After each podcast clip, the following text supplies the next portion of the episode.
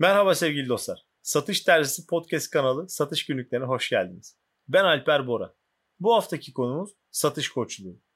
Ekibinizi koçluk yaklaşımı ile yönetmek istiyorsanız sorun çözmeye, performans yükseltmeye odaklanmışsınız demektir. Elbette ki sorunları anlamak ve çözüm üretebilmek için sorular sormak gerekir. Soru sorma süreci asla ve asla sorgulamaya dönüşmemelidir. O yüzden pozitif bir başlangıç yaparak soru cümlelerinizden neden kelimesini çıkarın, yerine nasıl kelimesini yerleştirin. Neden satış yapamadın? Yerine nasıl satış yapabilirdin? Nasıl başarabilirdin diye sorun. Bu pencereden bakınca kendinizi cevap vereni yerine koyduğunuz, empatik davrandığınız için amacınızın samimi bir şekilde yardım etmek olduğunu daha en başından belli edersiniz. Sizin bu yaklaşımınız karşı tarafta rahatlama ve güven duygusu yaratır. Dikkat ederseniz içinde nasıl barındıran cümle yapılarında yargılama, eleştirme ya da yerme yok. Cevap veren kişi olayı kişisel algılamaz. Kişisel performansının sorgulandığı hissine kapılmaz. Kişisel algılamadığı ve baskı hissetmediği için kendi çözümünü kendi bulması daha kolay olur. Satış koçluğu tam olarak böyle bir süreçtir. Kişinin kendi çözümünü kendisinin bulmasını ve farkındalığının artmasını sağlar. Satış koçluğu gerçekten çok zor bir süreç. Öncelikle satış kadroları sahada çok sert bir rekabet yaşıyorlar. Bulundukları ekipte de satış hedef skor baskısı var. Dönem sonları için hedef ve ödül baskısı da binince tahammülü zor bir süreç oluyor bu iş. Baskı altında çalışma hali ve yüksek stresli yaşamları satış ekibindeki kişileri saf koçluk yapılamaz noktaya doğru sürüklüyor. Koçluk doğası gereği kişinin kendi gelişim ve dönüşüm yolculuğudur. Koç kişiye bu dönüşüm yolculuğu sırasında eşlik eder ve onu yolda tutar. Satış baskısı altındayken kendini geliştirmek ve dönüştürmek pek de kolay bir iş değil. Genellikle satış ekibindeki arkadaşlarımız kişisel gelişime bu kadar vakit ayırmak istemiyor. Bir an önce skor üretmek sonuca gitmek istiyorlar. Öbür taraftan satış koçluğu kişinin yüksek performansını sürekli hale getirmesi için bir yöntemdir ya da zayıf performansları istenen düzeye çekmek için. Peki kimden satış koçu olur? Kimler satış koçluğu yapabilir? Satış ekiplerinin çalışma ortamındaki yüksek baskı ve stres kişiler arası iletişim kalitesini çok bozuyor. Kalitesi düşük iletişim dedikodu mekanizmasını tetikliyor. Kişileri iş stresinin yanında kendileri için üretilen dedikodularla boğuşmak zorunda bırakıyor. Ekibin birbirine güven bağı zedeleniyor. İletişim krizleri çıkıyor.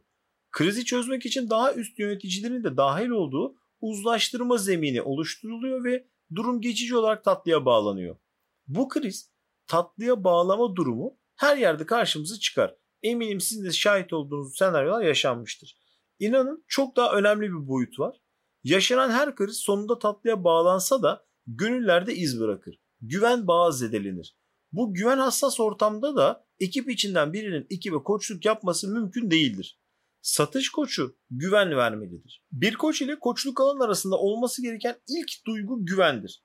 Koçluk ilişkisi güven esasına dayalı olduğu için önceliklidir bu. Kişinin satış performansı kendi satış tarzını bulmasıyla ilgilidir.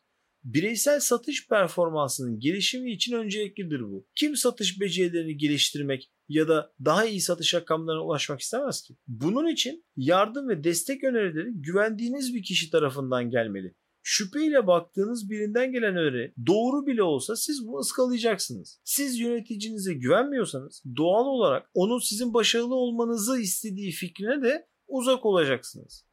Koçluk süreci kişinin gelişim ve dönüşüm yolculuğudur. Satış performansınız kendi satış tarzınızı bulmanızla orantılıdır. Herkesin farklı bir profili ve yeterliliği vardır. Bunu keşfetmeniz için size yardım edilebilir. Nasıl bir kişilik yapınız var? Hangi güçlü özelliklere sahipsiniz? Bunların farkında mısınız? Satış koçu sizi güçlü olduğunuz alanda tutar ve bu alanda kalmanıza destek olur. Bildiğiniz satış tekniklerini en etkin şekilde kullanmanız için uygun ortam hazırlar.